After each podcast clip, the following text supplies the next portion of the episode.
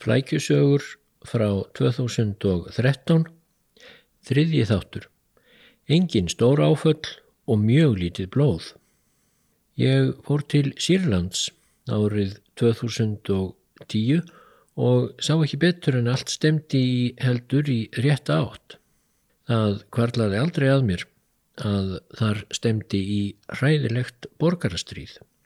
En árið 2013 Þegar þessi þáttur var skrifaður þá var hið skjelvilega stríð þegar skollið á. Þessi teksti byrtist fyrst í frettablaðinu 7. september 2013.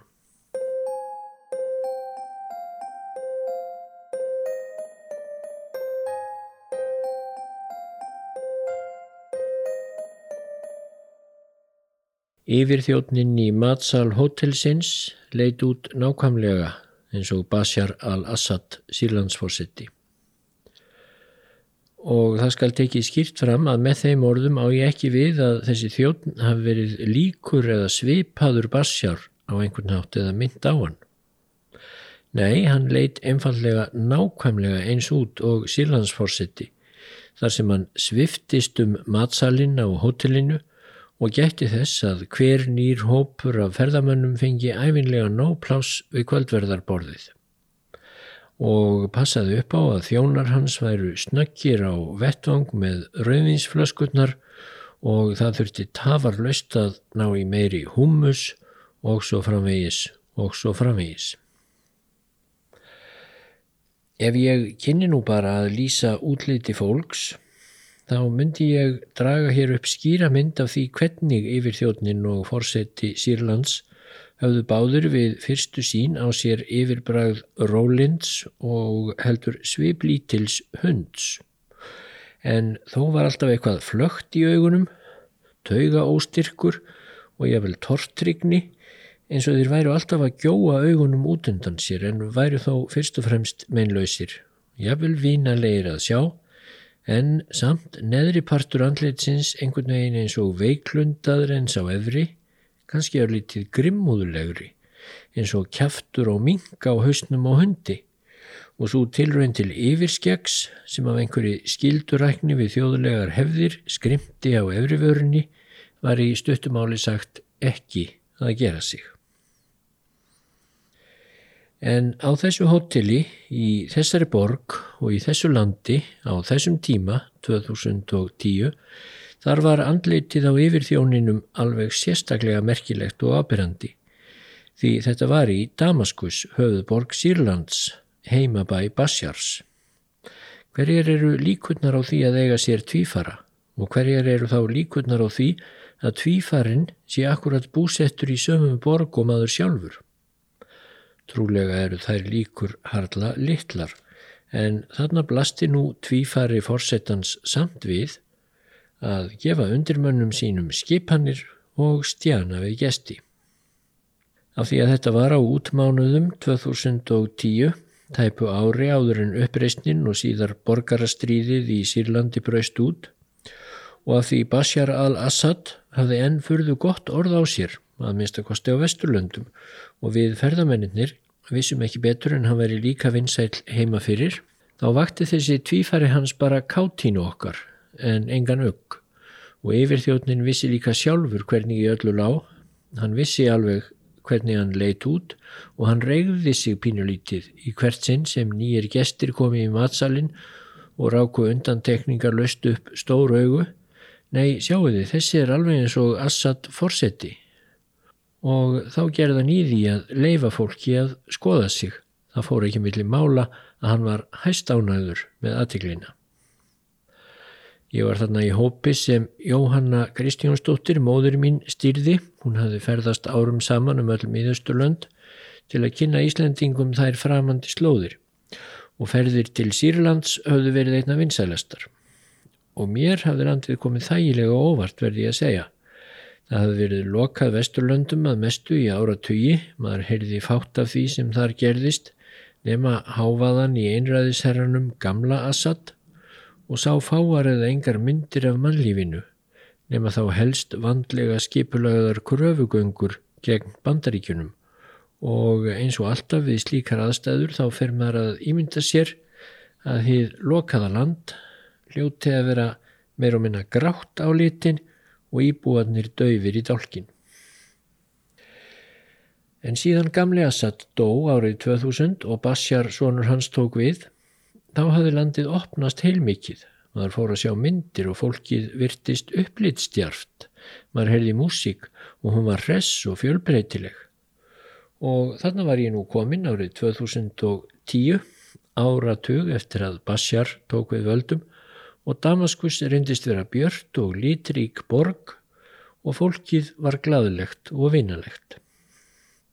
Og það voru myndir af Bashar og hans fáru ungu frú upp um alla veggi.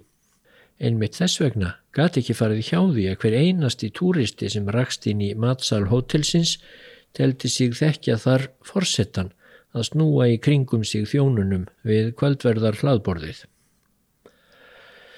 Sagan um Bashar er einstaklega, já ég ætlaði að segja sorgleg en það hljómar þá kannski eins og hann eigi við þá sorg að stríða en ekki þeir sem hafa orði fyrir barðun á honum. Segjum í staðin að hún sé einstaklega nöturleg því hún dregur úr manni kjark. Hún segir manni að það sé alveg sama hver vel við gerum okkur grein fyrir því að valdið spilli, það heldur samt áfram að spilla. Því Bassjar hefur ábyggilega hirt en hann frasa líka, marg oft, áður en hann fór að býta hann sjálfan. Bassjar fættist árið 1965. Fadur hans, gamli Assad, rændi völdum í Sýrlandi 1970 og var þar síðan grimmur einræðisherra í lokuðu landi fram í andlátið. Sumir töldu gamla Assad til tekna að hafa bælt niður í landi sínu það trúarofstæki sem viða var farða örla á í heimslutanum og stöðu kvenna mun hann hafa bætt hvað sem öðru líður en þá er það jákvæða upptalið. Gamli Assad kom á fótu personudýrkun sem hverfðist um hann sjálfan og laungu áður en hann dó var orði ljóst að hann ætlaði að koma á ættarveldi eins og aftur í fornesku. Arftækin átti að verða elstisónurinn Bassel en sá var því miður fyrir fjölskylduna glanni undir stýri og dó í bílslýsi 1992. Þá ákvað Assad að gera Bashar að forsetta eftir sinn dag en Bashar hafði fram að því ekki sínt neitt áhuga á politík eða tekið þátt í framapoti yfir leitt. Hann hafði lokið læknanámi og fór svo að læra augleikningar í London af því að þær væru svo mikið nákvæmnisverk, saðan sjálfur, en hins vegar einlega aldrei neyn stór áföll og mjög lítið blóð. Þannig komst hann sjálfur að orði í bladaviðtali síðar meir. Þrátt fyrir að hann virtist í fyrstu kunna ítla við sviðsljósið sem beindist að honum þegar hann varð krómprins gamla Assads, þá hlýtt hann föður sínum og fór nú að læra til forsetta.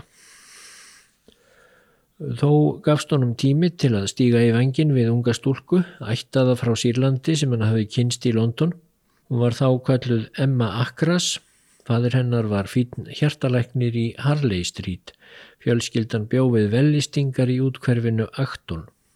Emma lærði tölvunarfræði í háskóla og tók gráðu í frönsku, svo hóf hún störfi í vogunardeild Deutsche Bank.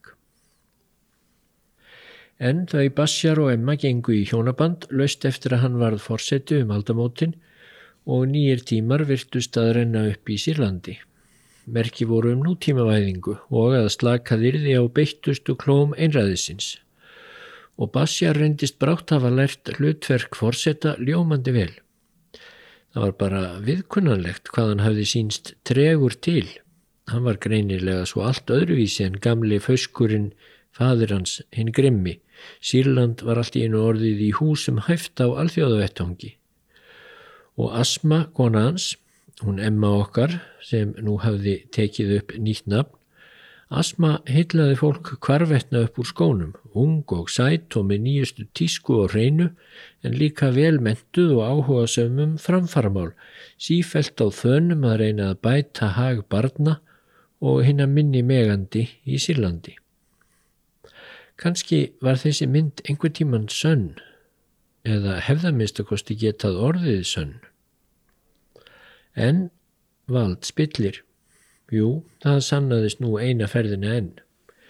Ég sá ekki betur þessar tvær vikur í Sýrlandi 2010 en þetta væri svona meiruminna frjálsland og fólkið væri kátt og ánægt en líðræðisumbæturnar voru líklega allan tíman meiri í orði en á borði.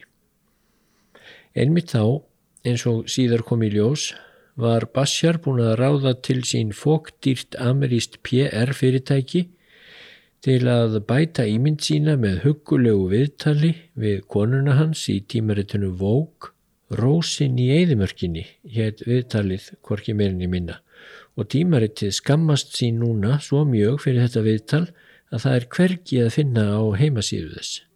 En það var þetta viðtal bara partur af blekkingarleik Bashars og þegar tilturlega hóværlegar kröfur um afnám neyðarlaga voru settar fram í Sýrlandi tæpu ári eftir að ég og mamma og fleiri vorum þar á ferð þá brást augleiknirinn við með þeirri fádæma hörku sem við höfum nú orðið vitni að og hinn fagra asma hefur reynst vera algjörlega kaldrifjuð tildur drós.